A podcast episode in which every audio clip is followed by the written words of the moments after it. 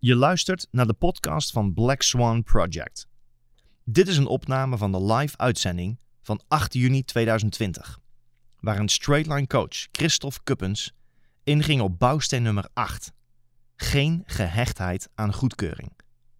Waarin hij onder andere spreekt over hoe de gehechtheid aan goedkeuring je direct limiteert in je gehele leven.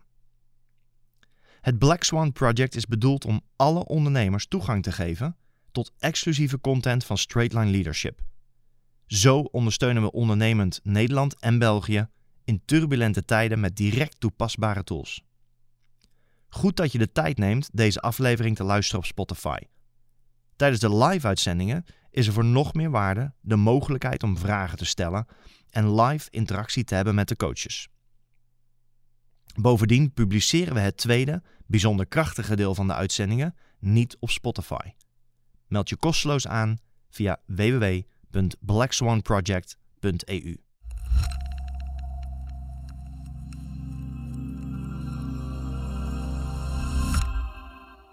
Goedenavond en welkom bij uitzending 28 van de Black Swan Project. Mijn naam is Christophe Kuppes en ik behandel bouwsteen nummer 8. Geen gehechtheid aan goedkeuring. En er wordt wel eens gezegd dat het meest toxische wat een mens met zich mee kan dragen, dat dat die gehechtheid aan goedkeuring is. Dat de hele tijd aardig gevonden willen worden, dat de hele tijd leuk gevonden willen worden en op een of andere manier bezig zijn met wat denkt de ander van mij. En wanneer je daadwerkelijk gaat horen wat ik te zeggen heb, dan ga je merken dat je deze hele sessie op je in kunt laten werken en je kunt hierna met veel meer ruimte het leven tegemoet. Want hoe ziet er dat nu precies uit? Die gehechtheid aan goedkeuring. In het dagelijkse leven uitzicht dat in en als je het mij vraagt, vind ik het een fantastische distinctie in het boek van Straight Line Leadership. Dan uitzicht dat in aardig gevonden willen worden, lief en aardig versus vriendelijk. Hoofdstuk 34. In het Engels trouwens is het nice versus kind. En als ik zeg nice, dan is het inderdaad die lieve, aardige en uiteindelijk manipulatieve manier van zijn. Als je denkt, hoe, die gaat wel heel snel. Dat klopt. Denk eraan, ik zeg dat wel eens vaker, wij zijn verbale chirurgen.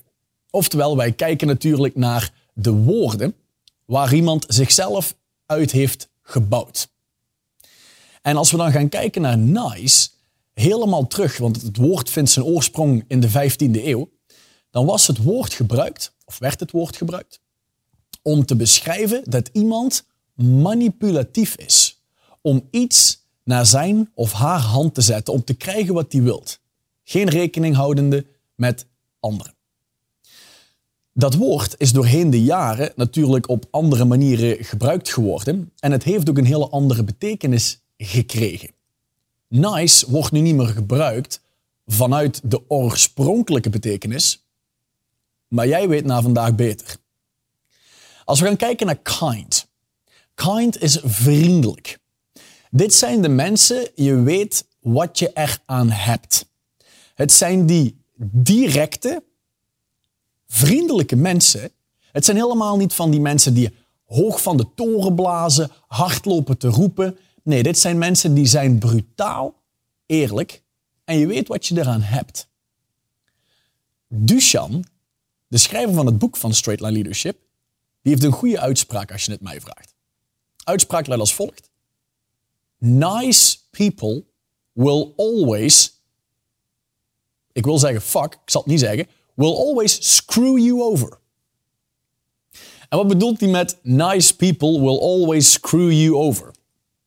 Dit zijn die mensen, je kent ze. Die praten je naar de mond, die praten mee. En dat zijn dan op een of andere manier, lijkt het wel, mensen die altijd aan je kant staan. En ik zeg niet dat het onoprecht is, want er zijn gegarandeerd mensen bij die het doen vanuit een oprechte positie. Alleen over het algemeen zijn die nice people de slangen. De slangen die nogmaals in je gezicht meepraten, maar het is net achter je rug dat er hele andere dingen gezegd worden. En daarom hou ik van deze uitspraak. Real friends talk shit to your face and talk greatness behind your back. Als we gaan kijken naar waar deze hele sessie op ingericht is, namelijk gehechtheid aan goedkeuring. Als ik bezig zou zijn met gehecht te zijn aan goedkeuring, dan limiteer ik onmiddellijk mezelf. dan limiteer ik mezelf in dat wat ik kan zeggen, dat wat ik bereid ben om te zeggen, dat wat ik wil vragen, dat wat ik wil doen, überhaupt de standpunten die ik in kan nemen in mijn leven.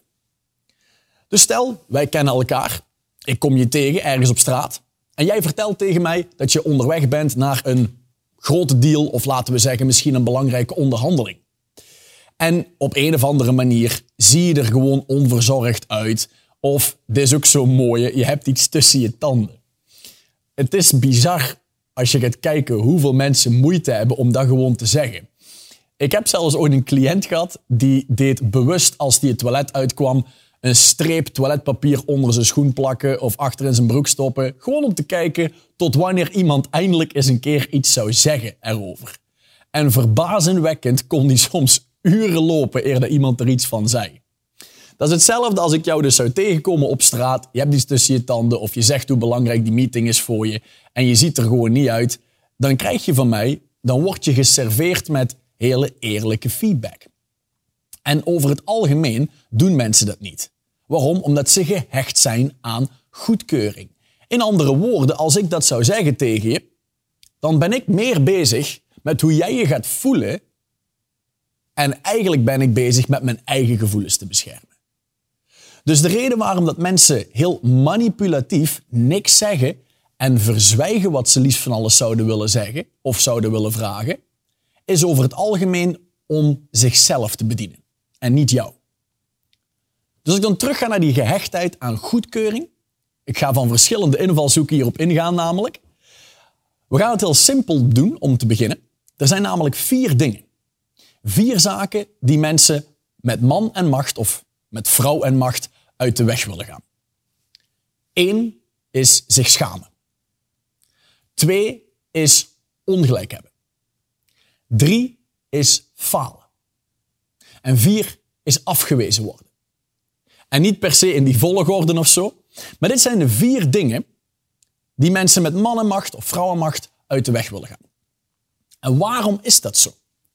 Denk bijvoorbeeld aan zo'n uitspraak als: oh, Ik schaamde me dood. Waarom die woorden? Wij hebben ergens in onze interne wereld dat ervan gemaakt. Namelijk, laten we zeggen, simpel voorbeeld, we hebben zoiets als gevaar. Gevaar voor ons fysieke lichaam om te overleven. Denk aan je komt in een gewelddadige situatie terecht of iemand houdt een pistool bij je of iemand zwaait met een mes. Of er gaat misschien iets vergiftigds of iets giftigs in je lichaam. Je zult met man en macht vermijden dat dat in je lichaam komt. En waarom is dat dat je dat als een bedreiging ziet? Omdat het een gevaar is voor je voortbestaan. En als het echt te maken heeft met gevaar, fysiek gevaar, dan zou ik zeggen, luister naar wat er in je interne wereld allemaal omhoog geworpen wordt, om je veilig te houden. Maar zoals je weet, hebben we een reptiele brein. En dat ligt aan de basis van ons voortbestaan, want er goed uit willen zien, goedkeuring willen krijgen, is niks meer en niks minder als een overlevingsmechanisme. Dus we gaan weer een stap verder. Mijn identiteit, jouw identiteit, wie jij denkt te zijn, hoe je jezelf doorheen de jaren bent gaan zien, is een manier om te overleven. Dus, als jij iets zegt waardoor je in één keer jezelf gaat schamen, omdat het helemaal verkeerd is wat andere mensen dan over jou weer zeggen, of je faalt, wat gaan andere mensen dan wel niet over mij zeggen achter mijn rug?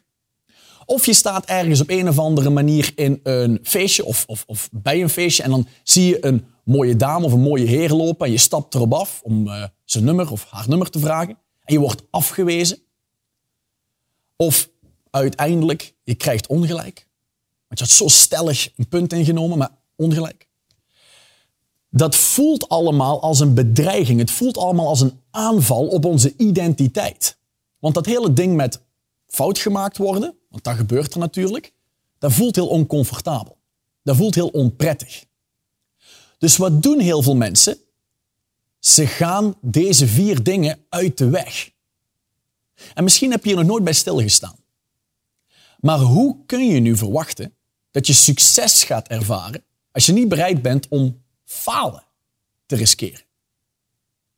Hoe kun je nu ooit een betekenisvolle conversatie hebben als je altijd bezig bent met gelijk te krijgen of ongelijk te willen vermijden? Hoe kun je überhaupt daadwerkelijk oprechte liefde ervaren als jij afgewezen worden de hele tijd uit de weg wilt gaan? En hoe kun je nu daadwerkelijk plezier ervaren als je bezig bent met je maar niet te hoeven schamen? In andere woorden, mensen leven gewoon niet echt. Dat is de hele situatie waar dat de gehechtheid aan goedkeuring je inzet. Het limiteert je leven. En sterker nog, het beperkt jouw deelname aan het leven. Want dat is waar het om draait. Dat is ook altijd zo mooi als ik dan van die uitspraken zie op het internet. Denk aan Facebook, wat trouwens één grote gehechtheid aan goedkeuringsshow is. Laat dat duidelijk zijn. Of Instagram, nog zoiets. Maar als je gaat kijken naar de mensen die daar alles op posten en ook dit soort uitspraken. Living life on your own terms. Ik moet altijd gieren en lachen als ik dat bij sommige uh, business coaches of life coaches dan op een, op een pagina zie verschijnen. Gelukkig zit ik zelf niet meer op uh, de sociale media kanaal die ik net benoemde. Maar een aantal jaar geleden, we kennen natuurlijk de echte interne wereldkeuken bij die mensen. En dan, het ziet er allemaal heel goed uit op het internet, alleen we weten beter. En jij zult dat vast en zeker ook herkennen. Je ziet misschien wel een bevriend koppel allerlei mooie dingen posten op Facebook. En allerlei goed klinkende, goed uitziende zaken. En je weet, nou, dat is niet zo. In die interne wereld daar, of in die interne wereld bij hun thuis, zijn er heel wat andere dingen gaande. En dat weten wij even goed als zij. Maar het ziet er goed uit als ze dit op eh, Facebook posten. Dus niemand gaat zich vragen stellen. Het is die gehechtheid aan goedkeuring waardoor dat mensen allerlei rare dingen gaan doen. Ik heb mensen doorheen de jaren hele bizarre dingen zien doen om goedkeuring te krijgen van hun omgeving. Om goedkeuring te krijgen, om liefde te ontvangen. Om gewoon geaccepteerd te worden. En nogmaals, zoals ik ook ben begonnen, een van de meest toxische dingen die je jezelf kunt toedienen, is die hele gehechtheid aan goedkeuring. En ik weet niet hoe het ooit is ontstaan. Nou ja, goed, door mijn eigen toedoen, los daarvan. Maar doorheen de jaren heb ik best wel vaak cliënten, nog altijd trouwens, die zijn tweede, derde, soms vierde generatie. Dit zijn dan mensen die moeten het bedrijf gaan overnemen. Of die hebben het bedrijf op hun schouders gekregen en die moeten het gaan uitbouwen van hun ouders of misschien wel de grootouders. In ieder geval de generatie voor hun. En het is bijzonder om te zien wat ik allemaal tegenkom. Want heel vaak worden deze mensen, en zij denken dat ze beperkt worden door hun ouders of door hun familieleden of whomever. Nee, ze beperken zichzelf op een heel aantal dingen. Want als jij bezig bent met wat gaat mijn vader hier wel niet van denken?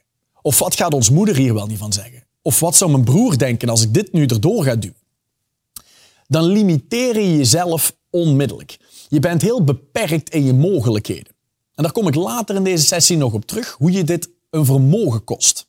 Zowel in euro's als in levensgeluk en levenskwaliteit. Maar wat ik wel eens vaker tegenkom, zijn dan nogmaals jongere mensen. Denk aan zowat de 25ers, 35ers. En die moeten doorheen de tijd die nu gaat komen dan het bedrijf uitbouwen. En dan heb je zoiets als links op de balk. Dat zijn dan de zachtgekookte eieren. En dat zijn dan die dames en die heren, die jongens en die meisjes, die uitspraken hebben als als ik maar aan de enkels van mijn vader kom. Of als ik maar zeker ben van het feit dat mijn grootvader dit goed zou keuren wat ik doe. En onmiddellijk, door de interne werelddialoog die ze voeren met zichzelf over zichzelf, limiteren ze zichzelf. En dan maken ze het van hun vader. Of dan maken ze het van hun grootvader. Terwijl als zij gewoon zichzelf zouden uitvinden als iemand die respect heeft voor het verleden, respect heeft voor de vorige generatie en met datzelfde respect de toekomst definieert, de stappen zet die dat daadwerkelijk zullen bijdragen om er een groter, krachtiger en meer betekenisvol bedrijf van te maken. Wat denk je dat je vader of de grootouders er dan van zouden vinden? Die zouden je toejuichen. Die zouden staan te springen voor jouw grootsheid en dat wat je demonstreert wat mogelijk is. Maar het is bizar hoe dat heel vaak, als we links op de balk beginnen, die jongeren zich tegenhouden. En hoe houden ze zichzelf tegen? Door de interne werelddialogen die ze zichzelf aanpraten. Wat gaan ze hier wel niet van denken? Kan ik dit wel maken? Kan ik dat wel maken? Goh, ik hoop maar dat ze dadelijk hier mij complimenten over gaan geven. Wat ik altijd deel met deze jongere garde is de volgende uitspraak. Boys want attention. Men want respect. Legends just don't care. En je mag boys door girls, men door women vervangen. Maar legends just don't care. Die doen waarvan ze weten dat het goed is voor het bedrijf. En ja, er zijn absoluut, en nu gaan we rechts naar de balk, die fils de papa of fils de grand-père. Dat zijn dan weer die jongere garden, die hebben geen idee van geld. Die pakken een Porsche, die gaan op een rotonde cruisen en driften. Die rijden dat ding in de prak, volledig totaal los. Who cares? Die hebben weinig respect, weinig beleefdheid. Behandelen bijvoorbeeld personeel in een restaurant of in een hotel echt als objecten. Hebben gewoon geen idee, geen betekenis rondom geld. Hebben er niet hard voor moeten werken. Hebben ook nooit zelf, hadden ook nooit zelf kunnen opbouwen wat grootvader of vader heeft opgebouwd. Maar ze hebben wel de centen. Heel ongepast vaak, heel ongefilterd en bot. Als een botte boer gaan ze door het leven. Dat is dan rechts op de balk. Dat is er ook.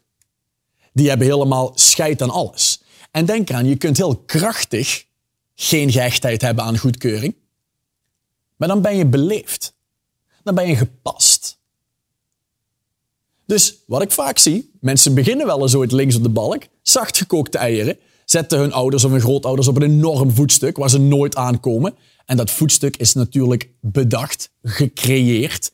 Hetzelfde als de pijn of de bedreiging die je ervaart bij je te schamen, te falen, ongelijk te krijgen of afgewezen te worden. Het is allemaal interne werelddialoog, creatie. Het is allemaal intern gecreëerd. En als ze beginnen te merken, hey, zeker met de stof die ik nu doorneem met jullie en alles wat je al hebt gekregen, ik, ik ben maakbaar. Dat ding waar ik naar refereer als ik, is heruit te vinden. Ik kan mezelf heruitvinden. En ik heb bewust de mogelijkheid om krachtige mentale contexten te creëren waar ik uit vandaan kom. En ja, dan zie ik wel eens ooit, dat zul je misschien ook wel eens gezien hebben of ervaren bij jezelf, dat dan de zachtgekookte eieren in één keer bam, naar helemaal rechts op de balk schieten. En dan, ja, is er in één keer niks meer terug te vinden van het lieve zachte manneke of meisje. En dan gaan ze in één keer helemaal de andere richting uit. En wat er gebeurt is, en over het algemeen in coaching zorgen we dat dit nooit gebeurt, maar het kan altijd gebeuren. Het is maar hoe diep iemand bereid is om zichzelf te confronteren met de bullshit waar dat die in leeft en de bullshit verhaal die hij zichzelf vertelt, waardoor dat je iemand gewoon mooi in het midden kunt krijgen, die heel gepast, heel beleefd en je kunt bijna zeggen heel James Bond-like door het leven gaat. Dus weet één ding, het is niet erg als je merkt van hey, die hele gehechtheid aan goedkeuring die heeft me al jaren vastgehouden. En dat helemaal overboord gooien en helemaal rechts op de balk gaan en overal scheid aan hebben op een hele ongepaste, onbeleefde, ondoordachte manier, beter van niet. Beter van niet. Beter om jezelf te creëren als iemand die simpelweg merkt dat die gepast en beleefd om kan gaan met de persoon voor hem, rondom hem of in de familie. Maar weet één ding, als ik dus terugval op mijn uitspraak, boys want attention, men want respect, legends just don't care. Wanneer je gaat kijken naar al die succesvolle verhalen En ik weet dat er een heel aantal van jullie simpelweg de verhalen kennen van de cliënten die dat er van ons rondlopen. Dat is echt niet dat die geboren zijn met een of andere gouden lepel in hun mond. Dat is simpelweg misschien ook wel het geval geweest voor.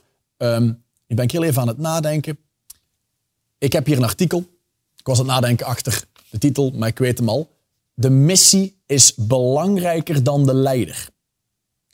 Dit artikel is ter ere van de heer Chris Slabbink. En je kunt het artikel lezen op thrive.eu. En het eerste wat hier uitspringt, misschien ook wel omdat het zo geschreven is, is de uitspraak: Mijn vader heeft er nooit helemaal achter gestaan. Als je dit artikel leest, dan ga je een artikel lezen over iemand die ten alle tijde de missie belangrijker maakt dan zichzelf. Dit is een exacte demonstratie van legends just don't care. In andere woorden, ja, je hebt een eigen agenda, maar je zet jouw eigen agenda, jouw eigen voorkeuren aan de kant voor de missie waar je op bent. En zoals jij weet is de missie van het bedrijf Straightline Leadership International het ontketenen van zakelijk en persoonlijk leiderschap in Europa. En ik heb al heel wat mensen ook gehoord die allerlei meningen hebben over de dingen die dat hier verteld worden, over hoe we het brengen, over wat Johan zegt, of Mandy, of Tommy, of Simon, of Reinoud, of ik. Maar je weet dat wanneer je geen gehechtheid hebt aan goedkeuring, jouw impact direct maal, nou ja, ik heb geen idee, misschien wel maal ontelbaar gaat. Hetzelfde als voor een man als Chris Slabbink. Hij schrijft hier, mijn vader heeft er nooit helemaal achter gestaan. In andere woorden, hij was niet op zoek naar goedkeuring van zijn vader. Hij was iemand die een levende demonstratie is van dit is wat er is, dit is wat mijn vader heeft gecreëerd. Oké, ik weet dat dit op een andere manier nog beter kan. En alleen al dit zeggen, bij heel veel mensen gaan er al alarmbellen af. Is het alsof er een of andere fanfare van alarm in hun hoofd afgaat, waar ze niet meer normaal door kunnen functioneren, dus zeggen ze maar niks. Denk aan van die medewerkers, die hebben dan een soort van ochtends vroeg hun big boy pants aangetrokken en nu is het tijd voor een opslag. Oprecht, nu ga ik er vandaag voor. En dan wandelen ze naar de, weet ik veel, eh, office of het kantoor van de baas. En net voor ze willen kloppen, die stem, ja, doe dat maar nu niet. Wacht maar even, want wat gaan ze dadelijk wel niet van jou vinden als je daar bent gaan vragen. Hey, en dadelijk krijg je het. Dan gaan ze allemaal jou waarschijnlijk ook nog een keer met een scheef oog aankijken. Misschien krijg je het niet, wat gaat de baas dan wel niet zeggen? Weet je wat? We doen het een andere keer wel. Heel erg gehecht aan, komt die, goedkeuring. Heel erg gehecht aan wat gaan de anderen van me zeggen. Wanneer jij zo bezig bent met je leven te leiden, ten aanzien van wat gaan anderen van me denken, dan leef je een leven in concessie. In andere woorden, je moet toegevingen gaan doen. Dat is helemaal het tegenovergestelde van leven, het leven, living life on your own terms. Chris Slabbink is een man die een demonstratie is van living life on your own terms. En wanneer je dit pakt op een diep level, nogmaals, ik zeg niet dat dan in één keer alle schaamte in je leven verdwijnt, of het falen gaat nooit meer gebeuren, of je wordt nooit meer afgewezen, of je hebt nooit meer ongelijk. Sterker nog, wanneer je dit pakt wat ik deel, zul je misschien wel veel meer falen. Zul je misschien wel veel meer ongelijk krijgen. Zul je misschien wel veel meer schamen. En voor hetzelfde geld word je nog veel vaker afgewezen. En weet je waarom dat zo geniaal is? Omdat het jou de mogelijkheid geeft om een veel completer leven te ervaren. Want als jij je deelname aan het leven beperkt om de hele tijd maar bezig te zijn met goedkeuring van anderen te krijgen, wat gaat die van me vinden? Wat gaat die van me denken? Stel ik open deze zaak daar en daar. Stel ik doe die investering. Stel ik ga dit geld lenen en ik doe nu deze investering om dat te creëren. Wat gaat die vinden? Wat gaat die vinden? Wat gaat mijn compagnon hiervan vinden?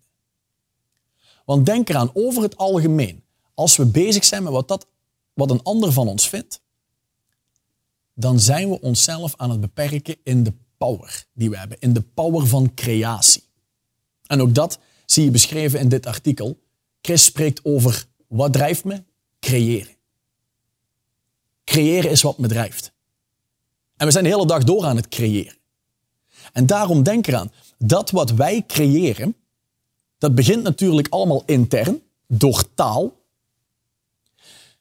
En de creaties die jij doet, intern, daar komt de uitspraak ook vandaan, de woorden die je spreekt worden het huis waarin je leeft. Als die creaties bewust zijn, wat je als het goed is nu ondertussen meer dan voldoende hebt kunnen doen voor je, je hebt alle tools alvast gekregen, dan kun je maar beter ze bewust krachtig creëren.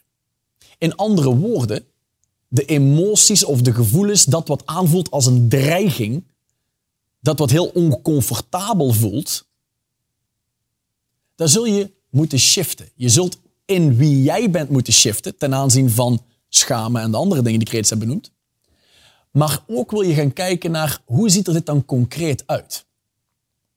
En dan wil ik je een quote delen die ook in hoofdstuk 34 staat van het boek Straight Line Leadership. De quote luidt als volgt. The measure of a person's results in life can usually be reduced to the number of uncomfortable conversations he or she is willing to have. In het Nederlands. Je kunt de resultaten van een persoon zijn leven afmeten aan de hoeveelheid oncomfortabele conversaties die hij of zij bereid is te hebben. Dus hoe ziet er dit nu praktisch uit? als je mensen hebt die de hele tijd bezig zijn met aardig gevonden worden, lief en aardig gevonden te worden, leuk gevonden te worden, acceptatie, goedkeuring te krijgen, dat men goed over hen spreekt, die beperken zich, zoals ik al heb gedeeld met je, in het deelname of de deelname aan het leven. Maar wat ze ook doen, is ze beperken de dingen die ze kunnen zeggen, de dingen die ze kunnen doen en de dingen die ze dus kunnen vragen. Concreet, ik heb er drie uitgekozen. Het beperkt je en het kost je vermogens, omdat je namelijk één, beperkt bent in het doen van de verzoeken. Twee, in de beloftes die je kunt verkrijgen. En drie, in de feedback die je kunt geven. Een simpel voorbeeld. We do what we do through others. Oftewel, wat we doen, dat we doen, dat doen we door anderen, met anderen. Peter van Um, ex-commandant der strijdkrachten der Nederlanden, had een fantastische opening uh, bij zijn lezing. En hij opende als volgt. Het was een zaal vol met ondernemers. De vraag die hij stelde was, wie hier in de zaal vindt zichzelf perfect? Mag zijn hand opsteken. Niemand stak zijn hand op natuurlijk. Waarop hij op een briljante wijze het volgende deelt. Hij zegt, kunnen we dan besluiten dat we het niet alleen kunnen in het leven? Dat we andere mensen nodig hebben om te bereiken dat wat wij belangrijk vinden.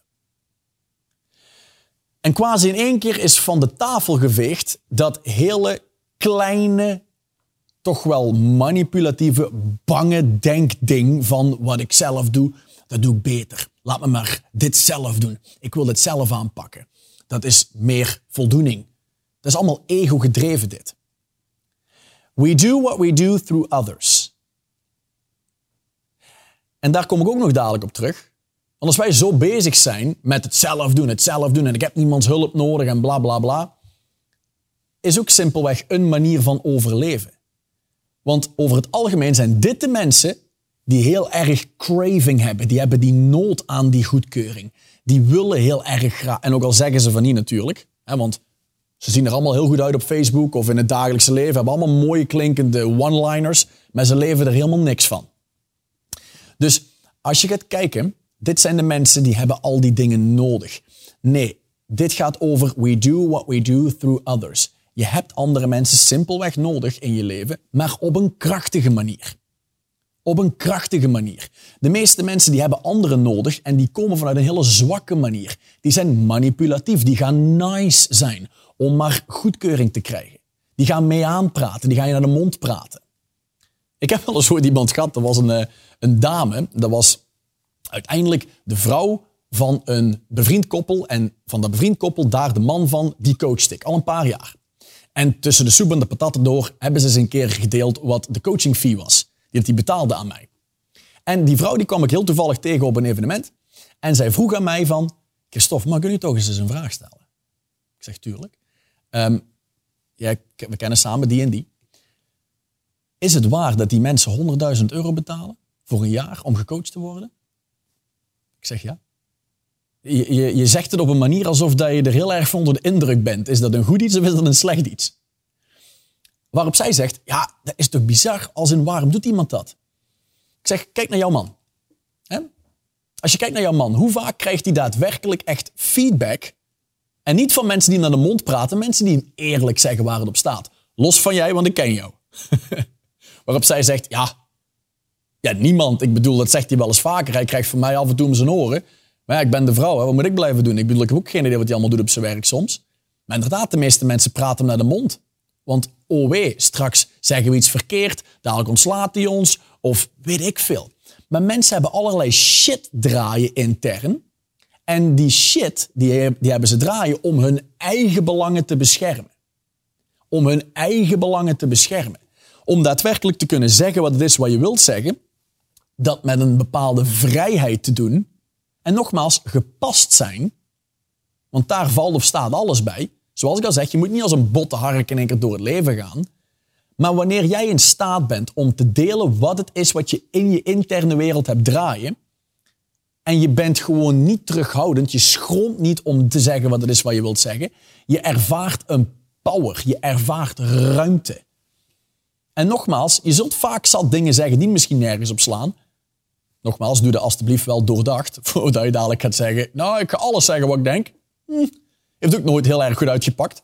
Dus ben je bewust van je interne werelddialoog die je creëert? Ben je bewust van dat wat je geeft als feedback aan mensen? Maar inderdaad, wanneer jij bezig bent met daadwerkelijk intern, wat gaat een ander van me denken? Als ik dit zeg, wat gaat er dan weer gebeuren? Dan ben je niet gewoon aanwezig bij een ander. Dus ja, mensen betalen, teruggerekend, wat is het, 2000 euro per uur voor feedback te krijgen. Kwalitatieve, gegronde feedback die ze nergens anders krijgen. Want de meeste mensen zijn allemaal bezig met hun eigen kleine, bange wereldje en hun gevoelens te sparen. Die zijn allemaal maar gefocust op zichzelf, helemaal niet op de ander. En daarom, over het algemeen, mensen die nice zijn, dat zijn de mensen waar je voor moet opletten. Als je nooit gewoon eens een keer een daadwerkelijk duidelijk feedbackmoment hebt, want iedereen heeft zijn dingetjes, iedereen heeft zijn zaken die lopen en die misschien minder werkbaar zijn. Maar het zijn die onwerkbare patronen die we bij elkaar gewoon simpelweg zichtbaar mogen maken. En zodat we elkaar de mogelijkheid geven om te stoppen die onwerkbare patronen te draaien. Dus nogmaals, wanneer je bezig bent met gehechtheid aan goedkeuring of je wilt goedkeuring van een ander, dan beperk je jezelf aan de verzoeken die dat je doet. Dus misschien denk je wel ergens, als ik nu toch van mijn 15.000 euro deals naar 50.000 euro ga, wat gaan ze dan wel niet van me zeggen? Als ik in één keer deze auto zou kopen, wat gaat de familie dan wel niet van me vinden? Of wat gaan ze wel niet zeggen als ik daar een huis ga kopen? Hmm. En wat creëert, wat triggert die interne wereld? De kleine, bange, oude versie van jezelf. En misschien voor sommigen is het niet meer de kleine, bange versie, maar is het gewoon de vorige versie. Het is hetzelfde als een slang. En een slang, wat doet die op een gegeven moment? Die schudt zijn huid af en boom, daar is hij met zijn nieuwe huid. En dat is wat je uiteindelijk ziet bij mensen die straight line daadwerkelijk injecteren in elke vezel van zichzelf en in hun hele bedrijf. Iedere keer opnieuw, het plafond wordt een nieuwe vloer. Het plafond wordt een nieuwe vloer. En ja, dat vraagt nieuwe investeringen. Denk eraan. Transformatie betekent je stopt dingen te denken die je voorheen altijd dacht. En je start dingen te denken die je voorheen nooit dacht. Dat betekent, je gaat dingen zeggen die je voorheen nooit zei en je stopt dingen te zeggen die je altijd zei. En daaruit voortkomen acties die je voorheen nooit deed. En je stopt dingen te doen die je voorheen altijd deed. En om radicaal te stoppen met een aantal dingen die je hebben gebracht tot waar je nu staat, 26 of 37 of hoe oud je ook bent, het eerste wat er intern bij ons afgaat als we iets gaan veranderen wat heel erg indruist op hoe we onszelf zien of op hoe dat de mensen rondom ons ons zien. Want wie we hebben gecreëerd te zijn, die identiteit heeft ons geholpen om te overleven in deze omgeving. Dus wij in één keer dingen gaan doen die daarop indruisen. En die zelfs indruisen op misschien wel de waarde van de mensen rondom ons, omdat wij een groter, krachtiger spel moeten spelen. Onze relatie met geld verandert, dus dat moeten we ook op een bepaalde manier onder woorden kunnen brengen. Waarom zien we dat intern als een bedreiging? Waarom gaat het reptiele brein in één keer op alarmstand? Omdat het simpelweg een gevaar is voor het overleven van die identiteit. En als we het helemaal uitkleden naar de kern, denk eraan. We zijn geboren. En dan komen we ter wereld. En dan zien we die twee reuzen naast ons. En het enige wat we weten is, als wij ons niet gedragen zoals die reuzen willen dat we ons gedragen, dan krijgen we geen eten. En dan uh, krijgen we geen onderdak en geen kleren. Nu overdrijf ik het een beetje, maar you get the drift. Dus wat er gebeurt is doorheen de jaren, naarmate dat je opgroeit, heel simpel, je gedraagt je naar dat wat er van je verwacht wordt, naar dat wat je ziet. Dus van nul af aan, dat is ook de nummer één reden van zo'n hoog sterftecijfer vaak in van die weeshuizen van kinderen. Geen aandacht, geen affectie. Het is die liefde, die goedkeuring die er niet is. Dus vanaf de geboorte af aan, doordat wij groeien, zijn wij bezig met goedkeuring te krijgen. We vormen die identiteit. We, we bouwen een identiteit die ons helpt te overleven ergens. En als we dingen gaan doen die er tegenin druisen, we hebben altijd goedkeuring gevraagd of altijd goedkeuring gekregen. En op een gegeven moment, dan gaan we uit die identiteit en dan moeten we ook uit een context die ons vreemd misschien wel beperkt heeft. En dan gebeuren er dingen en daarvoor zul je krachtige verzoeken moeten doen om uit bepaalde patronen te gaan of om een bepaalde nieuwe realiteit te creëren voor jezelf. Je zult simpelweg feedback moeten durven geven aan de mensen rondom je, aan medewerkers, aan je compagnon. Maar je zult ook beloftes moeten krijgen van mensen. Ik heb heel vaak met ondernemers dat ik met ze werk. En dan gaan we naar de distinctie afspraken versus verwachtingen.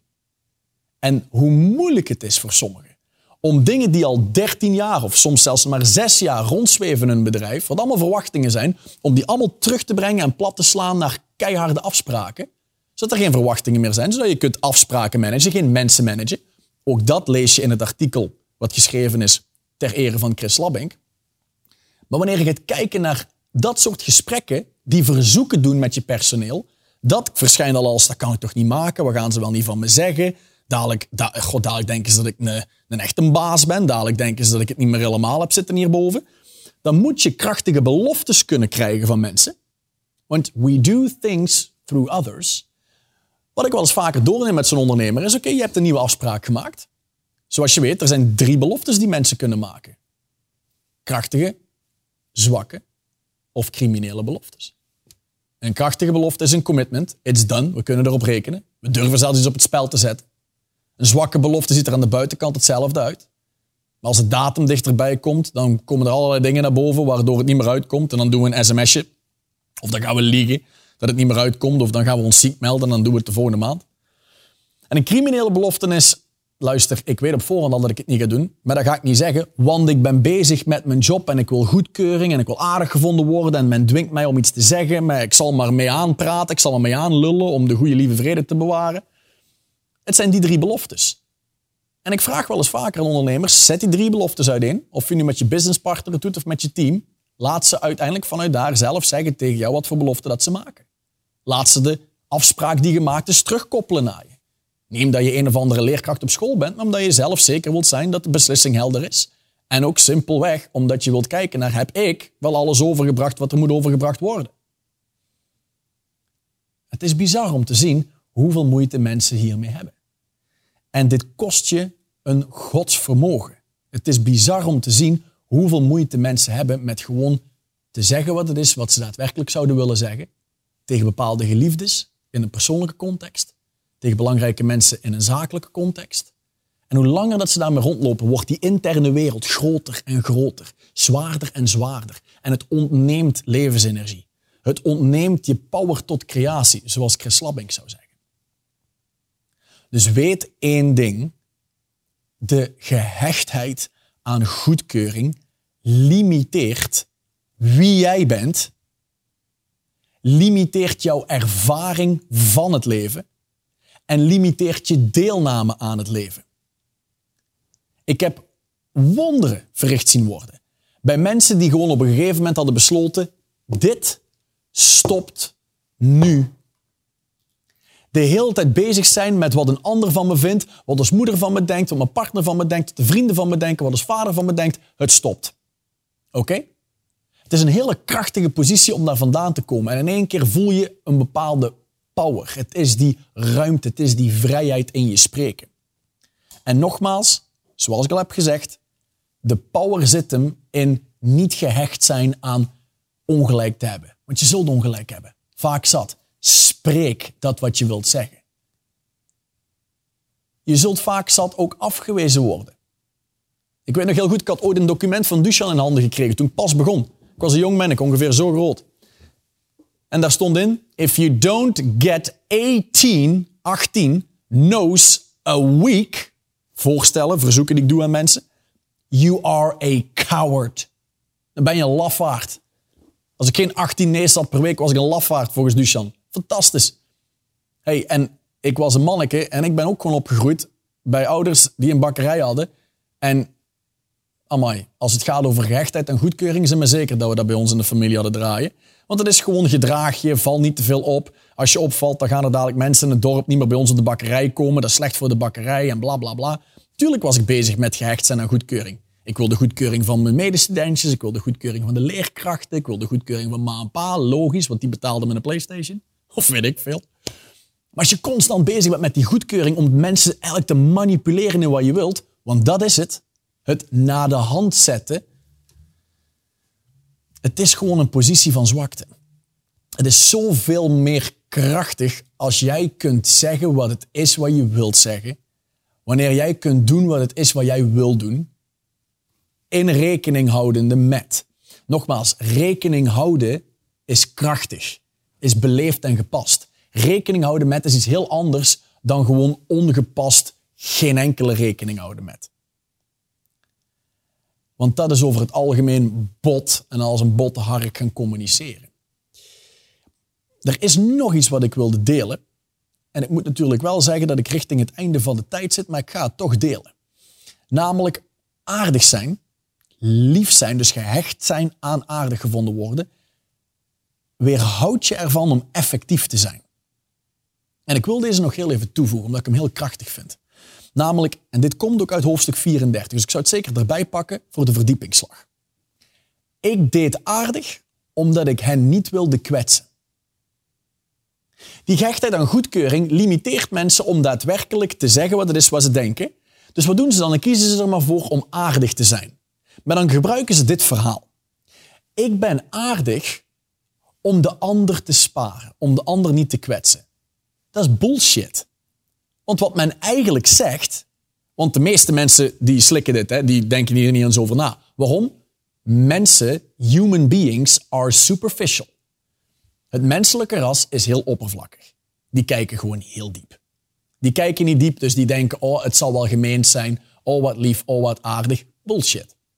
Sterker nog, dat hele ding met ik wil iemand niet kwetsen, en dit is heel straight line, dit is niet voor iedereen, maar dit is heel straight line en het geeft je leven zoveel meer power. Jij kunt niemand kwetsen. Context. Laat ik het naar mezelf trekken. Ik kan jou niet kwetsen. Tenzij ik je arm pak, bam, en een breek. Dan heb je een kwetsuur. Dat is zichtbaar en tastbaar. Maar ik kan jou niet kwetsen met woorden. Die hele huidige maatschappij waarin wij leven, zeker mijn generatie, gekend als de sneeuwvlokgeneratie, die smelten als er maar een beetje zonlicht op komt, als er maar een beetje druk op komt. Wat er, nu zo, wat er zo speelt is dat hele ding met ik wil niet gekwetst worden, ik wil iemand niet beledigen, ik ben beledigd, ik ben beledigd. Dat hele ding met beledigd zijn en iemand die zich gekwetst voelt, ik kan jou niet kwetsen. Ik ben verantwoordelijk voor wat er uit mijn mond komt. En absoluut, zoals ik al heb gezegd, links de balk, rechts op de balk, zacht gekookt ei, complete harde eikel. Ja, er bestaat zoiets als de gepaste gulden middenweg. Beleefd en gewoon gemanierd gepast zijn. Dat is hoe je omgaat met mensen. Maar ik ben verantwoordelijk voor wat er uit mijn mond komt. Hoe jij het interpreteert, in andere woorden, hoe het bij jou binnenkomt en wat jij ervan maakt in jouw interne wereld, dat is helemaal aan jou. It's not my business. It's not my business. You have to mind your own business. Dus dat betekent, ik kan feedback geven. En natuurlijk kun je rekening houden met hoe je feedback geeft en wie je feedback geeft. Als ik spreek met een dame die ooit iets heeft meegemaakt, die is ernstig en heel onzeker is, dan ga je een hele andere creatie van mezelf zien. Dan creëer ik mezelf als veel meer rustig, beheerst, zachtaardig. Maar als ik iemand spreek, net zoals een, laten we zeggen Chris Slabbink, daar heel veel power in zit en die heel joviaal is, dan creëer ik mezelf als iemand die daar gewoon impact maakt en die binnenkomt. Maar als jij iemand iets wilt zeggen, je wilt gewoon, gewoon duidelijke feedback geven, je kunt niemand kwetsen. Alleen mensen kunnen zichzelf kwetsen als het gaat over die woorden. Daarom, mensen doen dit om hun eigen gevoelens te beschermen. Niet meer en niet minder. Dat ding met ik ben maar aardig omdat ik de ander niet wilde kwetsen, is bullshit. Mensen doen het om hun eigen gevoelens te beschermen. Doe dit niet wanneer je een krachtig leven wilt en wanneer je wil dat mensen jou ervaren als waardevol, als oprecht. Je kunt maar beter iemand zijn waarvan mensen weten wat ze eraan hebben of hoe ze ervan op aan kunnen door hoe je jezelf creëert te zijn. Iemand die niet gehecht is aan goedkeuring, iemand die simpelweg zegt waar het op staat. En dan wil ik afsluiten met twee dingen voordat ik jou de kans geef om online te komen. De film Invictus, die uiteindelijk gespeeld wordt, of gespeeld Nelson Mandela, daar gaat de film over, wordt gespeeld door Morgan Freeman, als ik me niet vergis. Het is een fantastische scène op een gegeven moment waarop dat er een meeting is, waarop de Springboks, het rugbyteam, um, een soort van, er is een meeting met iedereen die betrokken is en ze willen de naam veranderen, omdat er een slechte naam is of whatever. Iedereen was voor de Springboks te veranderen qua naam. En Nelson Mandela krijgt hier oren van. En in de film zie je dat het helemaal zo gefilmd is dat hij aankomt, hij stapt uit en zijn assistente die zegt tegen hem, kun je dit wel maken? Kun je dit wel maken? Dadelijk gaan ze allemaal jou willen, die jou niet meer willen als president. Want iedereen is tegen wat jij wilt. Dit was zijn uitspraak. Het moment dat ik niet meer bereid ben om mijn rol, om mijn taak als president op het spel te zetten, is het moment dat ik moet stoppen. En de power die hierin zit, ik zal je vertellen hoe ik dit interpreteer, is heel simpel. Hij is niet gehecht aan die positie. Hij is niet gehecht aan die uitkomst. Hij is niet gehecht aan wat anderen van hem denken. Hij is niet gehecht aan goedkeuring van eigenlijk heel het land. Hij is bezig met highly intentional. Hij is heel intentioneel aanwezig. En hij weet waar hij voor staat. En hij weet waar de Springboks voor staan. En hij legt het neer. En door wie hij is en de visie die hij heeft en door als enige van al die mensen gewoon te spreken zijn mind te spieken, blijft de naam en heeft hij door zijn besluitvaardigheid en door zijn niet-gehechtheid aan goedkeuring een hele nieuwe context gecreëerd. Een context vanuit leiderschap, waarin dat het hele team van rugby heruitgevonden is. Iedereen op een hele nieuwe context met elkaar begon te spelen. En vanuit daar werden ze zelfs kampioen. Prachtige film om te zien. En een hele sterke boodschap die eronder zit hoe ik hem in ieder geval interpreteer.